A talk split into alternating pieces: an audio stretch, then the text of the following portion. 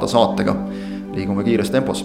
endiselt oleme täiesti juba tavapäraseks saanud koosseisus. äh, Kristjan Jaak Angur minu nimi, stuudios täna ka Ott Järvela tere! ja Rasmus Voolaid.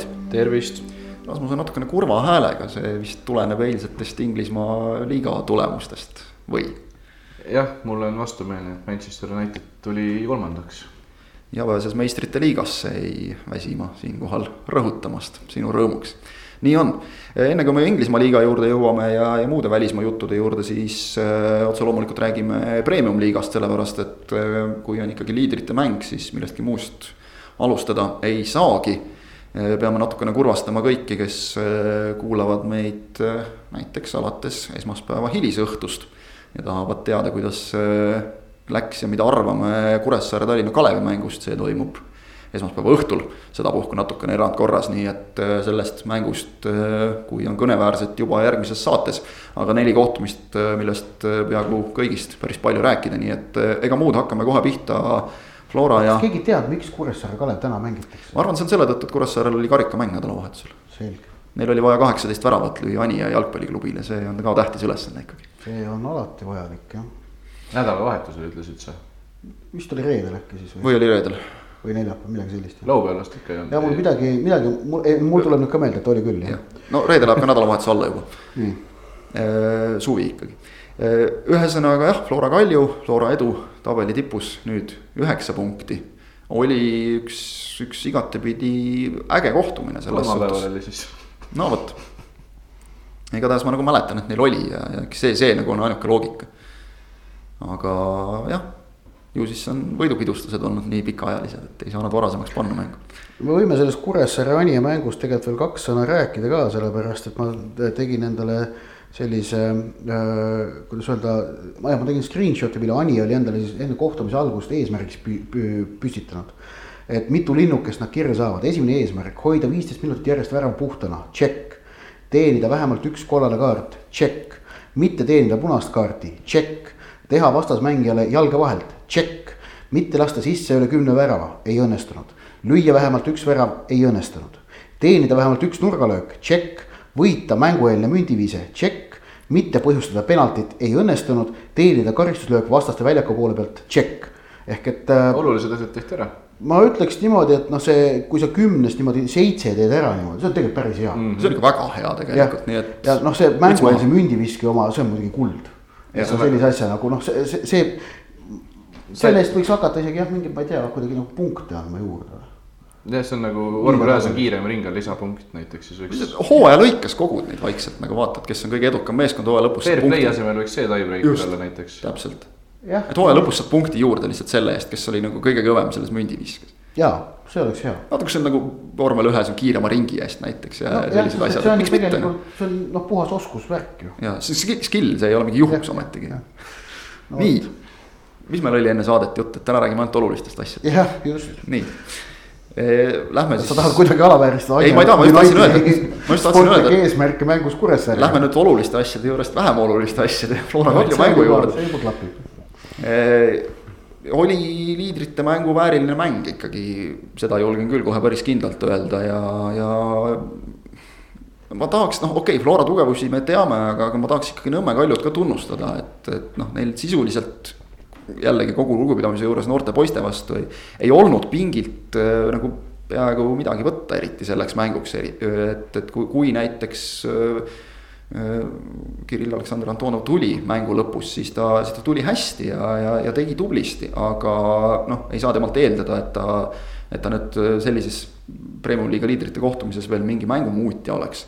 aga Kalju mängis tublisti ja, ja, ja mängis, noh, kui võis enne mängu natukene karta, et lähevad äkki seda viiki ja nulli hirmsasti hoidma, siis seda ka ei olnud, muidugi mängiti kaitsest lähtuvalt, sest noh, see on juba lihtsalt Kalju mäng, aga. aga näiteks, kui me teame, et Flora on see kontrarünnakutega nõelaja, siis Kalju suutis seda ka selles mängus tegelikult täitsa kenasti. ja noh, mängu algul muidugi mingil hetkel vajuti lihtsalt liiga madalale ära, Flora sai järjest nurgalööke ja siis lõpuks see üks ka kuidagimoodi imekombel Deniss Tjapkini peast sisse põrgatati. aga, aga võib-olla isegi kui Flora väravatest rääkida, siis, siis nagu veel märkimisväärsem oli teise poole alguses tulnud kaks-üks värav. Vlassi Zinjavski selles olukorras tegutses see see oli väga hea sööt, see, mis ta Zappinini lükkas peaga niimoodi värava eest risti tagasi, noh. esiteks see, et see oli antud perfektselt niimoodi, et ühelgi vastasel ei olnud võimalik mm. Teiseks eh, oli see noh, see, et Sinjavski selle asja ära nägi, oli, oli, oli väga äh, noh, kiiduväärt ja kolmandaks, see oli tegelikult tehniliselt päris keeruline sooritus taganemise pealt. jah, jah, et see oli minu meelest nagu vaata, et sel noh, ilmselt oli see selle mängu üks nagu kaunimaid jalgpalliliselt kaunimaid episoode aga, aga mina, mul oli siis sel nädalavahetusel selline asi, mul oli esimest korda nüüd selline täis tervest voorust nagu puhkus. Et ma olin, ma olin nagu vabadel päevadel ehk ma nüüd pärast koroonapausi ühtegi sellist või sel hooajal ühtegi sellist vooru pole olnud, kus ma ühtegi mängu poleks kajastanud ja ma vaatasin seekord distantsilt mänge.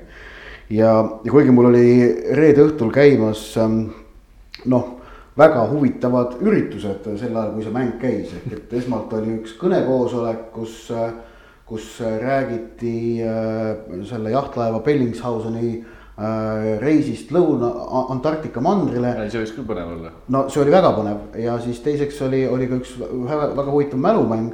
aga nende mõlema ajal mul oli siis telefon enda ees lahti, sellepärast et see mäng oli haarav vaadata. ja ma nagu ei olnud seda tunnet, et mingil hetkel paneks, noh, et stream mängis mul selle ühesõnaga. see mäng tõesti oli haarav vaadata ja, ja tegelikult, kui ma nüüd hakkan, siis ma hakkasin tagasi mõtlema nendele ülejäänud selle hooaja nendele esineliku mängudele. et äh, ega seal naljalt sellist nagu kehva mängu ju tegelikult ei meenugi. kus oleks nagu selline noh, vaata aeg-ajalt ikka need esineliku mängud või, või tippmängud jalgpallis minu arust aeg-ajalt juhtub, et tekitavad sellise nagu pettumuse. et noh, asiot-, asiotaaž on väga-väga kõva, aga see mäng ise nagu kuidagi noh äh, sumbub ära või, või, või midagi sellist, aga, aga mul ei tule nagu meelde, no võimalik, et ma ei, ei, ei, ei, ei hekseldanud kõiki mänge nii põhjalikult läbi, aga need esineliku mängud on ikkagi olnud ägedad. Me räägime siis erand, äh, antud, antud juhul mängudest, kus osalised on äh, Flora, Kalju, Levadia ja Viljandi Tulevik ma saan aru ehm,. esimene isik, ma saan aru, mis sa mõtled, noorim niisama. ei, aga kui tulevik juurde panna, siis sama ju. tulevikus, tulevikus me jõuame veel rääkida jah, aga, aga ühesõnaga jah, et, et ja, ja tegelikult sama asi kehtis ju ka laupäevase mängu kohta. seda ma vaatasin, tõsi küll, pisteliselt, selle kohta ma niivõrd ei oska öelda. Ei kindlasti noh, kui mäng lõpeb neli-kaks, eks ole, Paide Levadia mängust räägime, siis see nagu jama mäng ei saa olla. kui palju selle, kui rääkida Kalju mängust veel, siis kui palju Amir Nato puudumine mõju avaldas, sina kui mängu lugupeetud kommentaator? aitäh äh, selles mõttes oli huvitav vaadata seda, et, et võib-olla nagu noh äkki, äkki on loodetud nagu natukene liiga palju NATO peale isegi mingites mängudes, et äh,. ta palju... annab juurde, aga samas ta, tema pealt ka natukene on ju see kaitsefaas jällegi käriseb mm. -hmm. ja selles mängus oli see just nimelt oluline, seda, kui ma õigesti mäletan, rääkisime eelmises saates juba, kui me arutasime, et mismoodi see võiks mõjutada. ja umbes nii oli ka, et, et tegelikult äh, ütleme ikkagi see ka, mis me, mis me arutasime koosseisu osas, et, et kas, kes alustab keskkaitses ja Deniss Tjapkin jäeti ikkagi keskväljale. Et eh, see oli hea, et Kalju seda teha sai, et keskkaitses said mängida, sai, sai olla keskkaitses Mikk Reintam. ja tegelikult ka Vladislav Veremejev sai päris kenasti hakkama, Johan Lobai oli enne mängu haigestunud, nii et teda ei olnud veel üks tagasilöök, nagu Kaljul neid vähe oleks ei no aga... ei olnudki praegu ei olnud pingilt mitte ühtegi kogenud meest võtta, kui Pedro Victor välja arvata, kes ilmselt ei ole veel mängukorras. no ilmselgelt ta nagu ei olnud jah, ta oleks muidu olnud algkoosseisus sellises mängus, et, et ta oli seal nii-öelda igaks juhuks. kõige no, kogenum mees on Henri Berk, kes tuli kaitseväest välja loaga. jah, just, et noh, Jevgeni Demidov on ka saanud minuteid, eks ole, ja Antonov siin ka mingeid üksikuid, aga, aga noh, see nagu ei lähe arvesse. aga, aga mulle meeldis väga see, seda näitas hästi Kalju Viigi värav tegelikult, kuidas need, millest treenerid viimasel ajal, kunagi oli moesõna oli kompaktne. et olime kompaktselt erinevates väljaku osades. nüüd on asi, mida väga palju mainitakse, on üleminekud. Ehk et need üleminekud kaitsest rünnakule, noh, nad ongi olulised, aga seda tegi Kalju minu meelest väga hästi. ja, ja see toimis ja seda oli väga hästi näha teise värava puhul, kus, või üks-üks värava puhul jah, mängu teise värava puhul, kus äh, Florakad jäid kogu aeg nagu kaks sammu hiljaks, kõigepealt hiljaks Tjapkini juurde. Kalju mängis selle episoodi väga sirgjooneliselt. jah seda oli sümpaatne vaadata. mille põhjal nad tegelikult selle asja nagu sealt värava lõid, jah. kõigepealt jäädi hiljaks Tjapkini juurde, äh, keskväljal, kes sai üsna vabalt söötu otsida, siis andis Tjapkin suurepärase söödu jooksu peale Aleksandr Volkovile kelle juurde jäi juba natukene hiljaks Henri Järvelaid ja siis Volkovilt väga head senderdus otsajoonelt tagasi. noh, natukene oli õnne, Kaarel Ustale tuli pall nagu väga ebamugavalt kuskile põlve kõrgusele, aga põrkas jalast sisse. ja, ja siis jäi hiljaks Märten Kuusk ehk et noh, tegelikult see mäng ikkagi näitas, et ka Kal-, Flora kaitse on haavatav. ja, ja Kalju mängis, ma ütleksin seda mängu distsiplineeritult ja võib-olla just distsiplineeritumalt, kui nad teinekord mängivad NATO-ga just nagu sa ütlesid, kaitsefaasis sealt teinekord natukene käriseb. Vladislav Homutov on ikkagi, ma julgeksin öelda, tõestanud ennast väga hea mängumehena, ta on just nimelt selles plaanis, et ta on see mängija, keda iga treener tegelikult vajab oma meeskonda, kes täidab seda positsiooni, mida parajasti vaja on. on ta ülemine poolik, on ta alumine poolik, tõmbab sealt kuskilt niite, on ta ründes ta mängib oma koha välja ja ta mängis oma koha väga hästi välja ka selles mängus. Homutov sai noh õigustatult ka minu käest äh, suure kriitika, kui ta seal kolmandas voorus Leegioni vastu selle lollaka punase võttis. ja see oli tal on ju Kalju karjääri teine lollakas punane mm, -hmm. aga, aga seejärel ei ole midagi öelda, väga, väga korralikult mänginud ja. ja noh, kui me vaatame nüüd ikkagi tabelisse, et jah, et Flora on tõesti Kaljust üheksa punktiga ees ja Floral on äh, kõigi otseste rivaalidega teises ringis on nüüd juba mängitud, on ju kõik teise ringi suured mängud vist on juba peetud. jah, sest ma mängin nii Kalju tuleviku Paide kui Levadiaga. ja ma räägin nagu omavahel, omavahel ka, et Levadia, Paide, Levadia, Kalju ja nii edasi. tulevikku hakkavad nad seal nüüd vist järjest Kalju, Paide, Levadia tulema nüüd aga. Äh, et, ähm, et muidugi selge on see, et see tiitel on praegu nüüd juba nagu Flora kaotada. et, et kui noh, see, see edu on suur lihtsalt, äh, aga Kalju tabeliseis punkt neljateist mängu, kakskümmend kaheksa, kaks koma null, noh kaks punkti mängu kohta. see on, on ju noh, tavapärasest äh, kõrgliiga Kalju rütmist selgelt küll vähem. aga tuletame meelde käesoleva hooaja konteksti, noh, solidaarsusmehhanismide mõju on olnud ilmselge tervele kõrgliigale. liiga on võrdsem ja keskmise punktisummad liidritel langevadki, Flora on suutnud olla see anomaalia praegu sel hooajal ähm, ehk et Kalju seis minu meelest on tegelikult päris hea, arvestades asjaolusid et Kristel on pidanud äh, tegutsema pidevas vigastuste äh, laines tegelikult. ideaalkoosseisu tal ei ole olnud mitte sisuliselt mitte kordagi. Äh, nad on mänginud ilma puhta ründajata peaaegu terve hooaja ja nad on jätkuvalt praegu tabelis teisel kohal, edestavad Levadiat, Paidet nelja punktiga ja on olukorras, et kui Flora peaks noh, suurelt vääratama, et neil on võimalik sel juhul Florast ennast mööda mängida aga noh, kuigi see üheksa punkti, see on, see on selles mõttes ikkagi suur vahe, et oletame, Flora saab kaks üllatuskaotust. Eh, aga Kalju peab selle, eh, selleks, et nagu vahet vähendada, peab ise mängima perfektselt, on ju ja siis on ikka veel omavahelise mängu jagu vahet. noh, just, just, et, et see on nagu noh, tegelikult, tegelikult see vahe on päris suur, aga noh, Kalju üldine seis on ju hea. mis, mis, või noh, kas me saame, kas nagu Kalju saab ette heita, nad midagi oleksid nagu otseselt, ma ei tea mida nad oleksid saanud paremini teha sellise hooaja jooksul.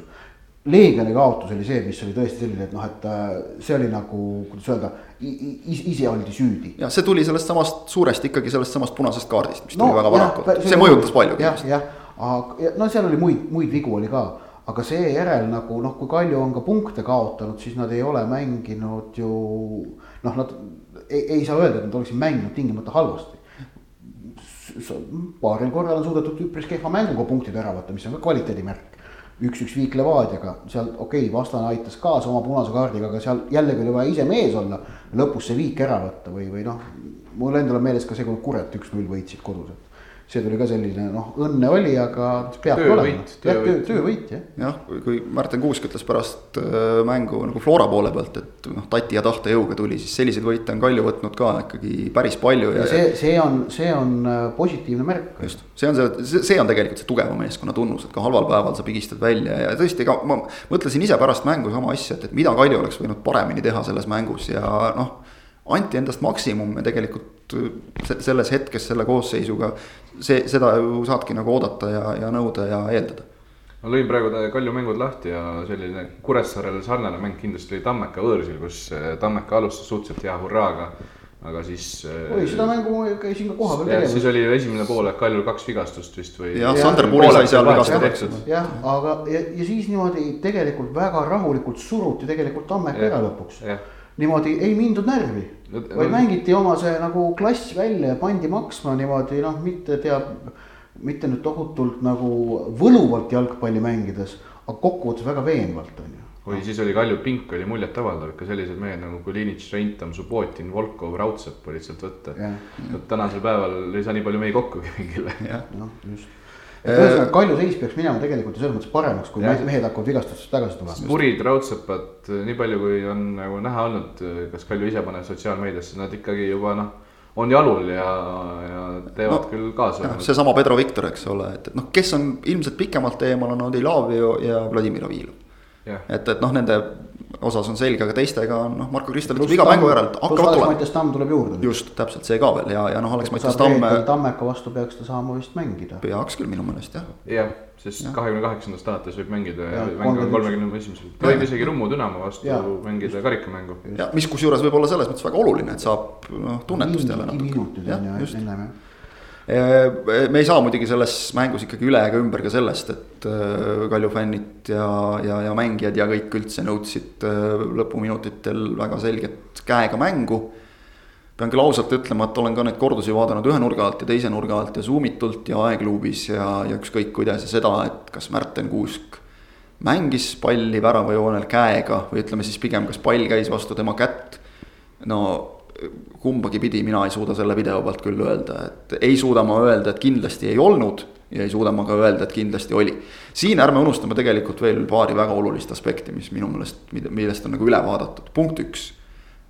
kui pall käib karistusalas vastu kätt, vastu maaslevama mängija kätt, siis see ei ole automaatselt penalti, punkt üks. isegi jah, kui see juhtub väravajoonel, reeglid lihtsalt on sellised. jah, me võime, me võime nende reeglitega mitte veel nõus olla aga reeglid on sellised, et põhimõtteliselt on noh, teatud asjaoludel, kui sa peatad palliga väravajoonel, noh, läheb käega, siis mäng jätkub. teatud asjaoludel täpselt ja antud juhul oli nii, et, et Kuusk noh, ise ütleme lamas väravajoonel, oli seal pikali maas. ja noh, tema keha oli palli ja joone vahel ja käed olid keha ees, ehk et noh. Kohtunik oli suhteliselt juures, need tõesti noh, kordused ka ei näita, kui kindlalt ei näita, siis võib ka eeldada, et, et seal nagu selget kätt võib-olla pigem ikkagi ei olnud. kohtunik nägi seal igatahes äh, väravavahi takistamist, sest ta vilistas vaba löögi. Vaba Ja- löök järelikult pidi tulema selle eest, et äh, kui väravahil on kasvõi üks käsi palli peal äh,, siis on pall fikseeritud ja seda ei tohi mängida väljaku mängija. nii tundus ka mulle, et ma, ma selline nagu ei näe muud varianti, millest selle vaba löök anti no ohtlik mäng ei tundu. Se- seda ei paistnud seal olevat Jah., nii tundus ka mulle, sellepärast et äh, ja, ja veel arvestades seda, et, et kui noh, ütleme olukord kordust vaadata, et kus nagu käsi võis olla, siis see paistis olevat pärast seda, kui väravaht oli palli fikseerinud. ehk et äh, jah, ütleme emotsionaalselt arusaadav pahameel kindlasti ja loomulikult paneme siia juurde eelmise Flora Levadia mängu, kus tõesti kohtunikel jäi märkamata see, et Henri Järvelaid võttis palli käega kastis alla, sellest ütleme noh, kes tahab, see saab ehitada igasuguseid teooriaid jälle üles. kes on mõistlik, see ei taha neid ehitada võib-olla pigem.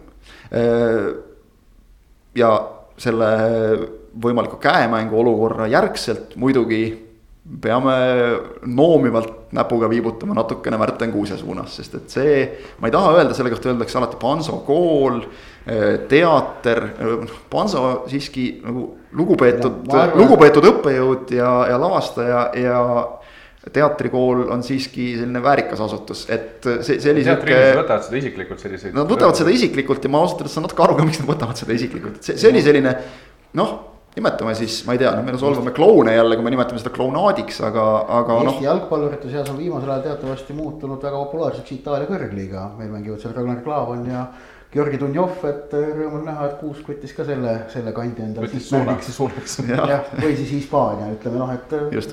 seal on sellised asjad, oleme ausad, oluliselt tavalisemad kui meil siin Põhjamaade kandis. jah, väike käeliigutus seal tõesti Kalju mängijalt oli, aga noh, ei paistnud küll, et ta üldse pihtagi oleks saanud ja, ja Kuusk.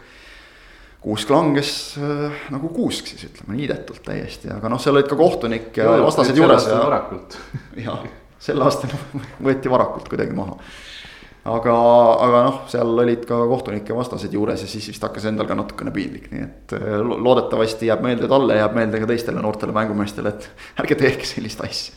ei ole hea, see, see ise tekitate endale nagu halva maine sellega, et, et teinekord kukute, kus ongi viga ja ei usu keegi. Kokkuvõttes Flora Kalju mäng ilma ühegi kaardita. jah, ja, ja, ja kusjuures ei olnud ka nagu seda tunnet, et äh, jäid andmata mingid asjad tohutult. tõstame selle episoodi praegu siis kõrvale, aga. järelikult kokkuvõttes keskenduti ikkagi jalgpalli mängimisele.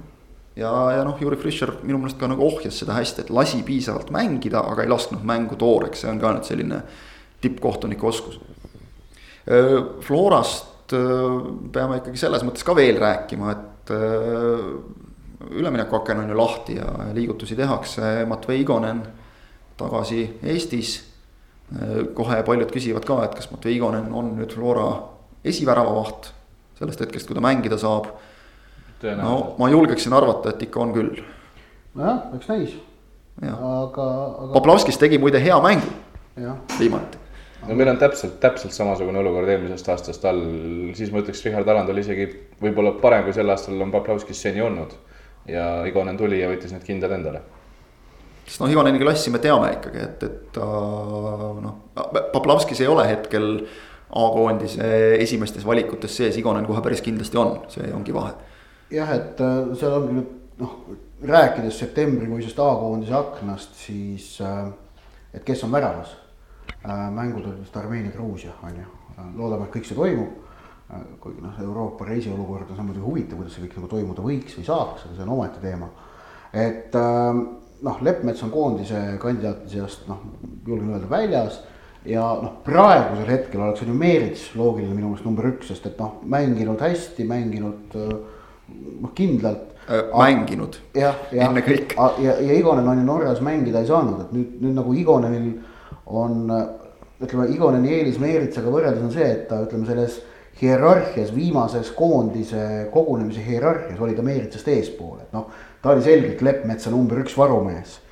nüüd on see, et kas nagu sellega, kui ta siin nüüd saab Flora eest mängima, kas ta selle kuu, kuu ajaga taastab ütleme oma koha seal siis Mart Poomi ja Karel Voolaidi silmis, et seda noh, sellise teemade üle on ikka huvitav rääkida ja spekuleerida Igone... ise, ise tõde teadmata.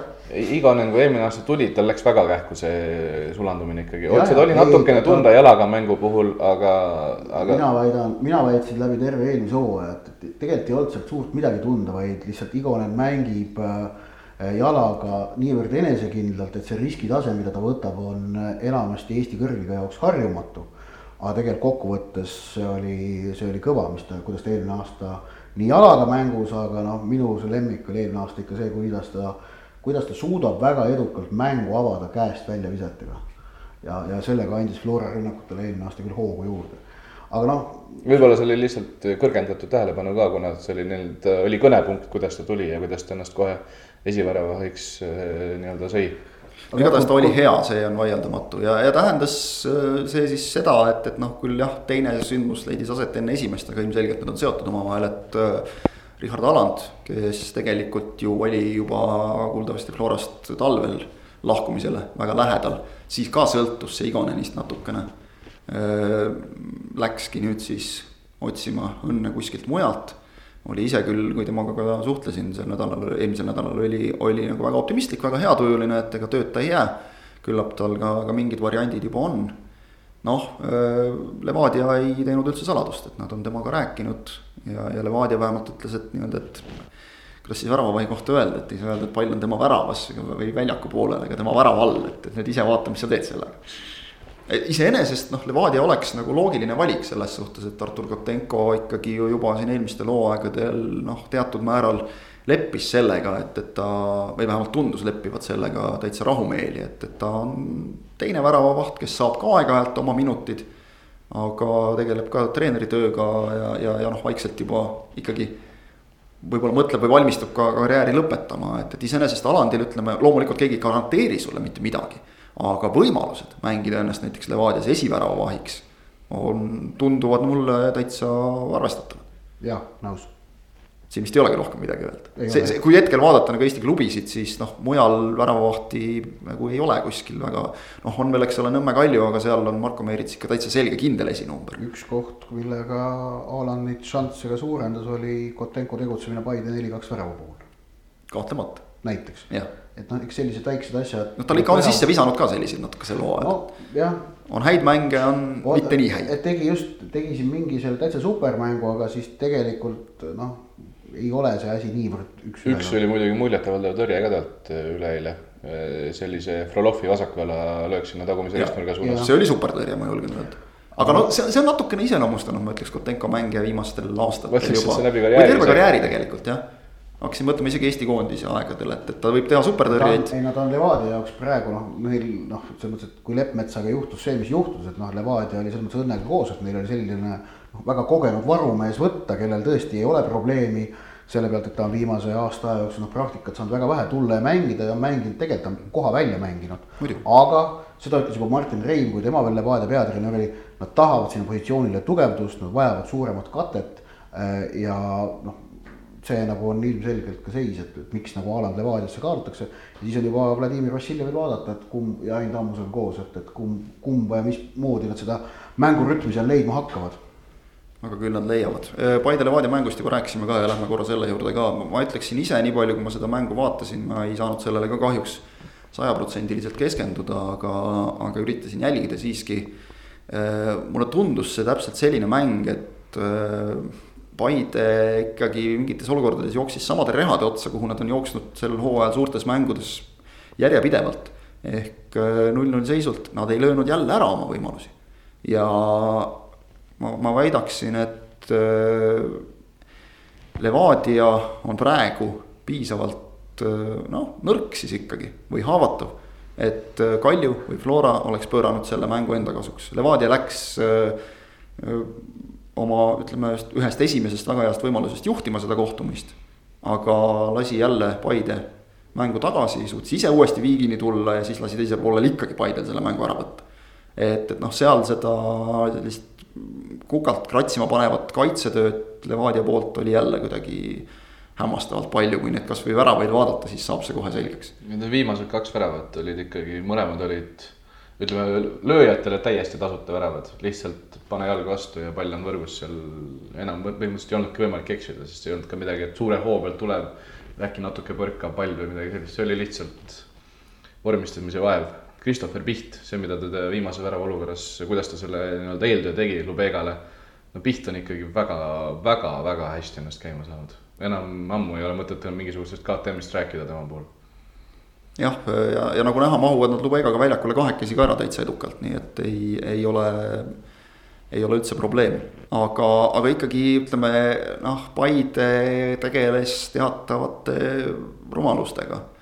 kui me vaatame kasvõi viimase minuti, üleminutite olukorda, kus, kus Sander Sinilait. mõlemad kaardid, mis Paide sai, olid rumalused, ka Lubega esimene kaart. jah, muidugi Lubega taiv oli ka veel, et see oli selline piinlik huvitav natukene aga noh, lüüa neli-kaks eduseisus olles vastasele kõhtu karistusalas, anda niimoodi ära penalti.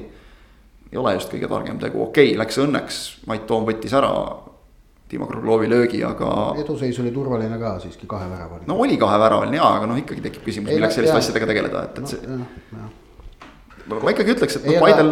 no tegelikult see läheb natukene samasse ooperisse, see oli sama Märten Kuuse episoodiga ja ja nüüd on see, et, et vaata, et me võime siin, meil on siin hea tänitada ja rääkida, aga ega meist keegi ju ei tea, mis tegelikult, mida see kehakeemia ja ajukeemia teevad eh, inimesega sel hetkel, kui ta on üheksakümmend minutit eh, noh, Eesti tipptasemel jalgpallimängus väljakul olnud ja, ja kõik need emotsioonid, mis sees möllavad.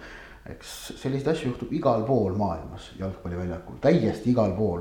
alustades Premier League'ist ja La Ligast ja lõpetades Hondurase teise divisjoniga noh, ja me ei ole erandid seda kindlasti, ega eesmärk ei ole ka mitte tänitada, vaid noh, lihtsalt Paidel, Paidel on, eks ole. no ei tasu muidugi selliseid asju võtta. võimalus oma asjad maha mängida, aga nad said üliolulise võidu, ma arvan, see on neile emotsionaalselt tähtis, seda näitas ennekõike isegi ma ütleks see, kuidas.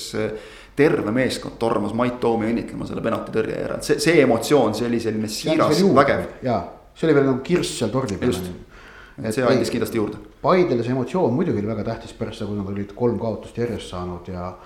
ja noh, ütleme nii, et ka Paide seis, kui, kui nüüd noh, Luts tuleb vigastusest tagasi ka veel Sannehiga läheb on ju kauem aega.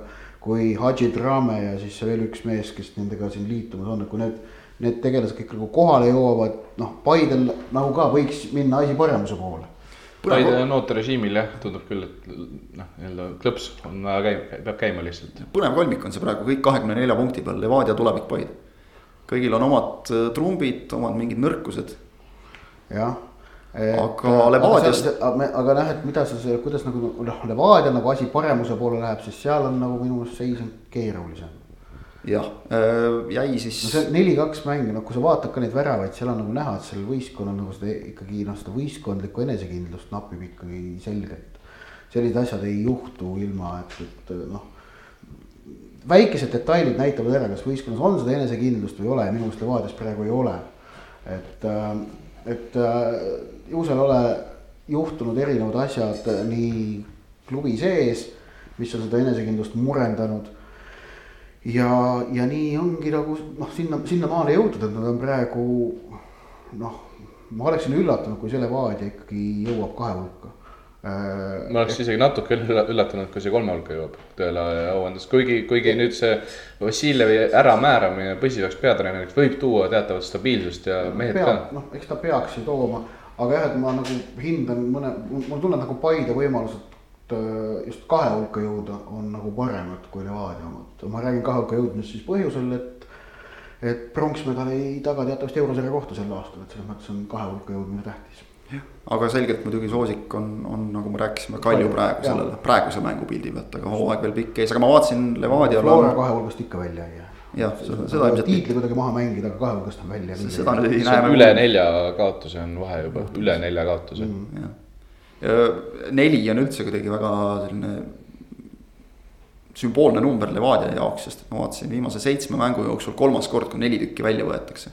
pluss siis veel Floralt kolm tükki enne seda, nii et kahe viimase mänguga seitse tükki lastud endale lüüa, seda on nagu pisut palju või siis vahepeal ka võidetakse ise neli-null mõned mängud, nii et kuidagi see neli neile meeldib, aga, aga seal on probleeme nagu sügavamaid, Aleksandr Safronovist loobuti. noh, mingil määral võib mõista, Dnipro küsis meest tagasi, ta oli laenul, ta ei saanud siin väga palju mängida. teisest küljest äh, euromängud ei ole enam väga kaugel ja, ja nüüd on nagu kaitses asjad veel õhemad.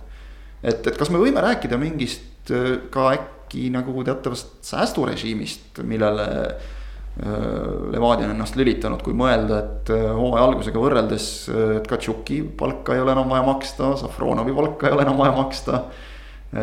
noh Sergei Frantsev oleks ilmselt küsinud natukene rohkem töötasu ja nii edasi. ja Leppmets ka veel juurde, okei okay,, seal noh, seda palka oleks ilmselt Levadia hea meelega maksnud, aga läks nii. juhtunud on palju.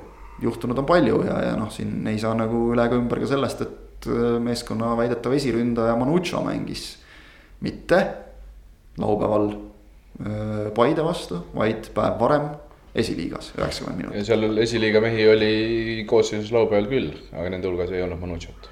ja, aga no, nojah, et seal võimalik, et seal on mingi muu asi ka taga, aga, aga no puht ka lihtsalt jalgpalliliselt Manuccio ei ole Levadia esiründaja ja ta.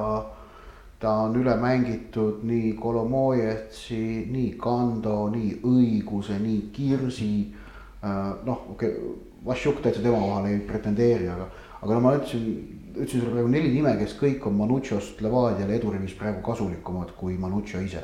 see on ehk päris kõnekas. Äh, ehk et noh, flop, mis flop, noh, totaalne flop. paneme isegi siia juurde, ma ei tea, võib-olla veel äh, jah, Karl Rudolf Õiguse, kes on. No, ta oligi nelja, ta oli nelja hulgas. nii palju nimesid, et mul läheb juba, jah miks sa, miks sa peaksid Manuccio enne kedagi neist nelja väljakule panema praegu? mulle jäi, mulle jäi mingil, mingil mängul eeltööd tehes jäi, jäi silma, noh, ma tean, et Instat on, statistika on üks nendest valede liikidest, eks ole, jalgpallimängu puhul eriti. ja kõige suurem.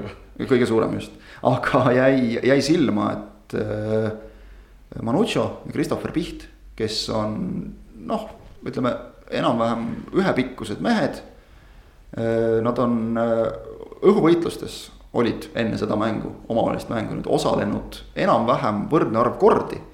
ja nende õhuvõitluste võitmise protsent oli ka enam-vähem sama. vaatame nüüd korraks peale Christopher Pihtile, vaatame peale Manucciole. ja minu meelest. üks kaheksakümmend kuus ja Manuccio üks kaheksakümmend seitse. no ja okei okay,, sentimeeter on vahet, tõsi, seda enam äh, noh Piht järelikult siis nagu tahab neid palle natukene rohkem võib-olla, et kui see füüsise poolest noh, peaks nagu olema Manuccio selgelt ees, aga ta ei võida neid palle. ei võida muidugi. ta ei võida neid palle. noh. jah, tahtejõuetult pehmelt ja. ma tõsi küll ei ütle seda nüüd jah, seda Pai, noh Paide mängust ei mänginud, ma mõtlen seda eelmise, kus ta seal platsil oli, see mäng. kas ta Floraga oli ju? Äh, Floraga mängus jah, jah, tollal jah. oligi. Sest noh, Leegioni Kalevi vastu on nagu raske midagi öelda, neli-null võidud, aga ei ta Flora vastu ta. Kalevi vastu ta ju istus ka üldse. Flora vastu. Flora vastu tuli kuuekümne seitsmendal sisse. ma räägin sellest mängust Leegioni vastu jah, kus ta sai selle võimaluse ja kus ta oli nagu põhimõtteliselt platsi kõige kehvem mängija Levadia poolt. võistkonna neli-null võidu mängus. ta oli sihuke olematu, oli kah seal. aga noh, Vladimir Vassiljevist on nagu räägitud ka, et et vaevalt nüüd tema käe all Levadial seal midagi väga-väga tõsiselt muutub, et Frantsevi käe all ehk oleks, aga. aga Vassiljevi ilmselt ta üritab lihtsalt saada kuidagi seda meeskonda praegu ree peale ja, ja, ja noh, ta on ise ka öelnud pärast mänge, et. eh, individuaalsed vead, et noh, seal on nagu ei, ra- raske ja ei ole ka mõtet hakata midagi väga põhimõttelist muutma, et kuidagi saada lihtsalt meeskonnal. enesekindlus tagasi ja, ja näis siis, kuidas ma väga loodan, et talle antakse aega praegu ütleme, mingid märgid näitavad, et, et, et, et ta ei ole ikkagi nagu mingi asendusvariant, vaid lihtsalt otsustati, et nii-öelda investeeritakse temasse ja talle antakse võimalused. loodan, et see püsib. ma ei usu, et äh, Levadia omaniku ja presidendi Viktor Levada äh, eesmärk oleks muutunud, tema eesmärk teatavasti on klubi kümnendat korda Eesti meistriks viia äh,. no ilmselgelt on näha, et sel aastal see enam ei õnnestu, see punktivahe on liiga suur, rivaalid liiga tugevad ja võistkond liiga ebastabiilne. järelikult järgmine võimalus on aastal kaks tuhat kakskümmend üks seda saavutada. nüüd selleks, et kaks tuhat kakskümmend üks alguses oleks, oleks need võimalused võimalikult head, siis noh, tark on alustada selleks ettevalmistavaid töid juba praegu. ehk et noh, ma tulet-, ma olen päris mitu korda just meelde tulnud seda restarti, mida Levadia tegi kaks tuhat kaksteist. Siis nad tegid, tegid, tegid selle teadlikult ja selle tulemusel siis nad tulid hiljem kaks aastat järjest Eesti meistriks, kuigi see restart natukene algas juba kaks tuhat üksteist sügisel.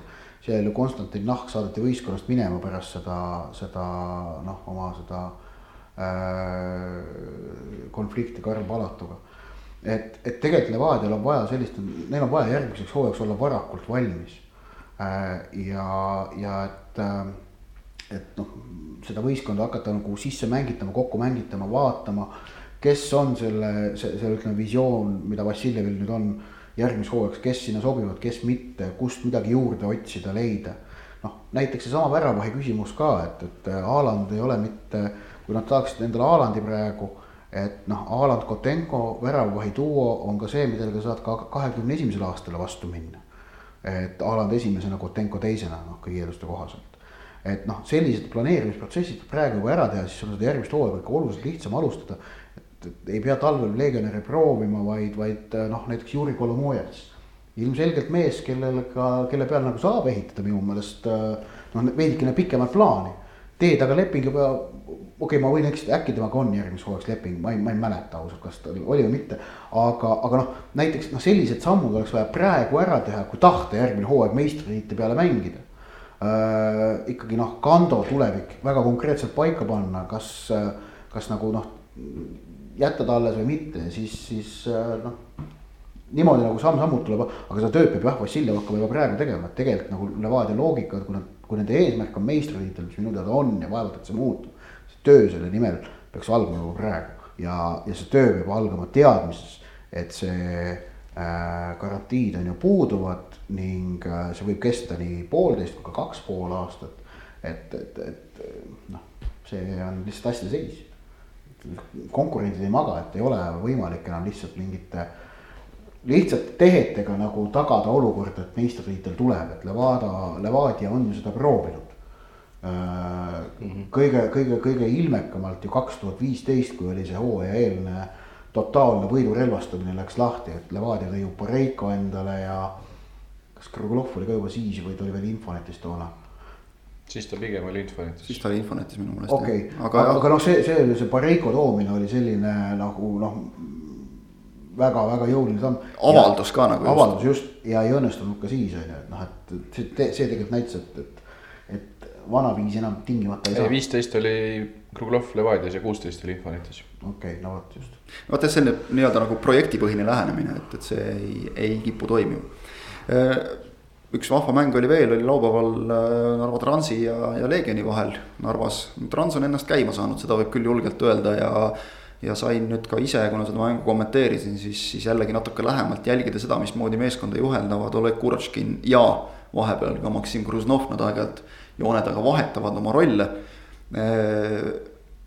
seal on mingit sellist enesekindlust jälle ja kuidagi mulle tundub, et, et selle meeskonna vaimne, vaimne foon on, on jällegi vägagi paigas, noh, see on ka lihtne, me teame alati, et, Rams on alati olnud selline võib-olla natuke rohkem kõige paremas mõttes emotsioonidest lähtuv meeskond võrreldes mõne, mõne konkurendiga ja loomulikult, kui nüüd on võidud tulnud.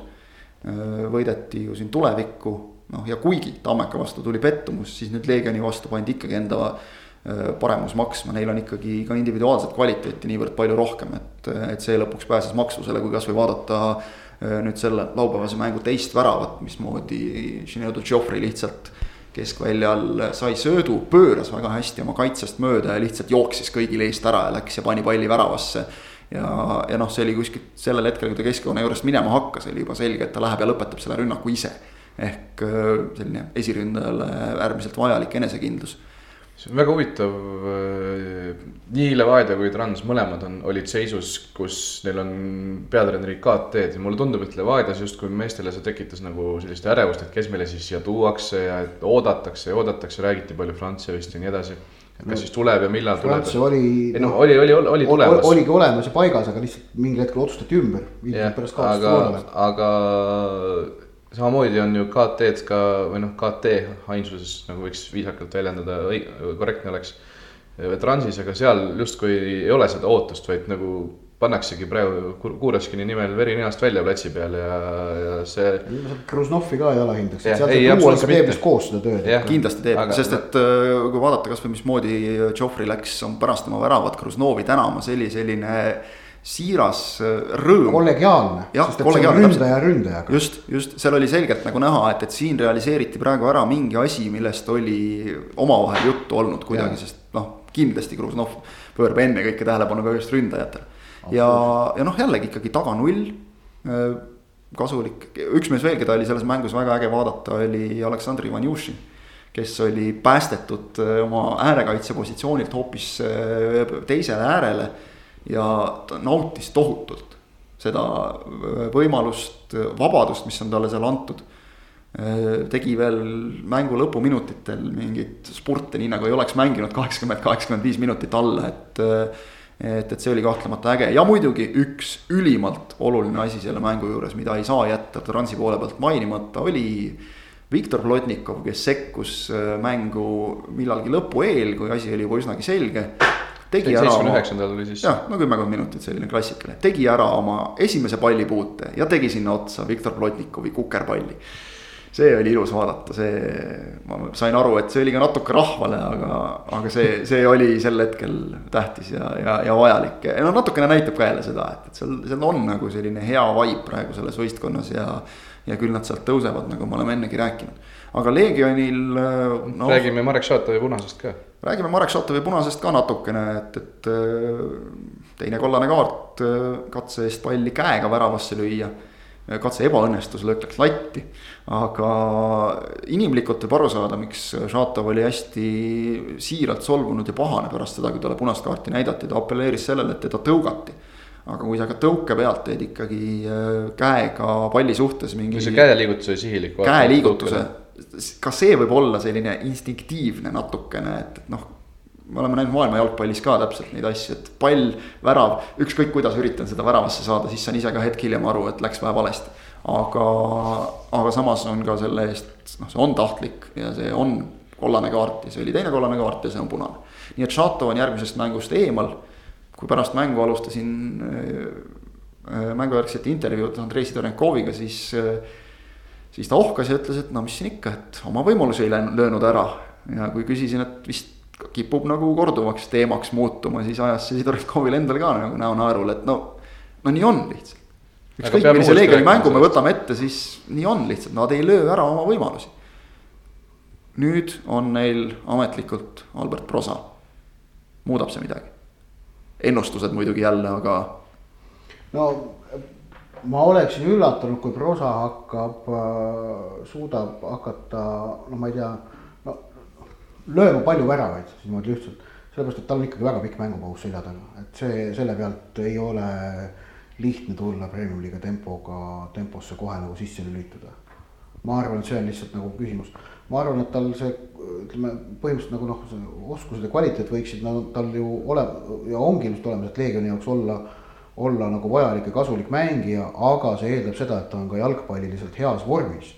aga kas ta, kuidas ta selles praegu saab olla, see on nagu keeruline, kui tal mängupraktikat pole olnud. tegin ju hiljuti temaga intervjuu vahetult äh, ilmselt siis enne seda perioodi, kui ta Leegioniga treenima hakkas juuli alguses, kui ta ütles, et nüüd hakkab see periood, kus ma hakkan palliga tegelema, ehk siis seni oli ta reaalselt teinud ainult taastusravi ja tol hetkel ta ütles, et kaks kuud tagasi käisin veel meniski operatsioonil, puhastati meniskit, ehk siis kaks kuud taastus sellest ja nüüd siis, nüüd on ta umbes kolm nädalat teinud võib-olla palliga trenni maksimaalselt. ja mängupaus on enam kui aasta, kui välja jätta need mõned kontrollmängud talvel.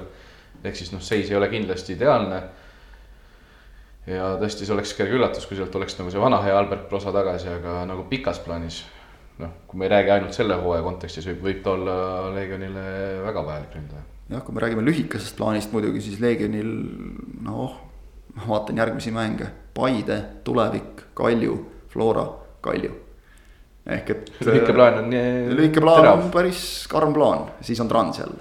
ja siis Kuressaare alles kuskil äh, septembrikuu keskel, nii et, äh, et kindlasti ütleme üle keskmise keeruline graafik, aga. aga noh, hetkeseisuga ilmselgelt nad praegu ikkagi peavad seal kindlustama oma üheksandat kohta ega, ega muud. et, et kui, kui ikkagi noh, sa mängid korralikult ja kaitse nagu peab, aga noh, lased jällegi kaks tükki ära lüüa, siis, siis jääb sellest väheks ilmselgelt ja ja, ja Legionil jah, prosaga võib prosata, aga see on, see on üsnagi selge, et kerge neil ei ole.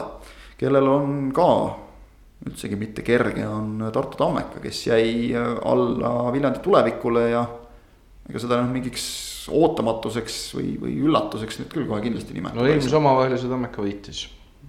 see oli märtsis, ma tuletan meelde. see oli esimese vooru mäng. ja see oli see Tamme tulevik, kes ei olnud veel kokku mänginud, kuna Erol Riiberg oli umbes kaks päeva varem klubiga liitunud ja nii edasi. kui vaadata, vaadata seda, seda Tammeka mängu, siis ütleme, et küsimärke ikka, ikkagi nagu on, et otsitakse, otsitakse, aga kuidagi ei leita kui vaadata kasvõi tuleviku väravaid või isegi esimesele väravale eelnenud, okei okay,, teine tuli penaltist, esimesele väravale eelnenud olukordi, siis otse öeldes Tammeka üritas omal poolel valesöötudega neile väravat juba mitu korda enne ehitada ja lõpuks siis ehitasid ära. okei okay,, kiidame siin ka Kaimar Saagi, kelle kannasööt Nikita Komissarovile on üks senise hooaja, ma ütleksin, filigraansemaid sooritusi, aga sellegipoolest see, see värav, noh, see ikkagi toodi suuresti kandikul ette Tammekal on noh, käriseb ikka natuke liiga palju ja järgmisest mängust on nüüd väljas kaardiga nii äh, Daniel Maanas kui ka Kevin Aalo ehk et ei lähe nagu kergemaks ka kuskilt otsast. no see oli taaskord kõrge press, mis Tammekale saatuslikuks sai. esimesena meenub äh, kodumäng Kuressaare vastu, kui väga õnnetult mängiti selle vastu, siis kordusmänguks Kuressaare vastu lükati laabus keskkaitsesse ja asi toimus, toimis. võideti Kuressaaret võõrsil nüüd oli uuesti Laabus keskkaitses, noh, et ilmselt nagu, et hakata, hakkama saada selle pressiga. sest no Laabuse nii-öelda mängu algatamine ja palliga olek ja see on kindlasti keskkaitsjate kohta väga-väga kõrges klassis, kui ta seal mängib. aga ei toiminud, Laabus ise oligi ju üks nendest meestest, kes, kes ka jämedalt seal söötudega eksis. nii et jah. ei tahaks olla märgilise. Kaido Koppeli nahas praegu tundub selline, kuidas öelda, märgilise tähtsusega tulemus olevat, et mis nagu suht selgelt näitab ära, et äh, kuidas nende kahe klubi omavaheline jõuvahekord sel aastal on, ehk et äh, Tammeka, mis äh, sead-, mis, mis saavutas mullu viienda koha, väga kiiduväärne hooaeg.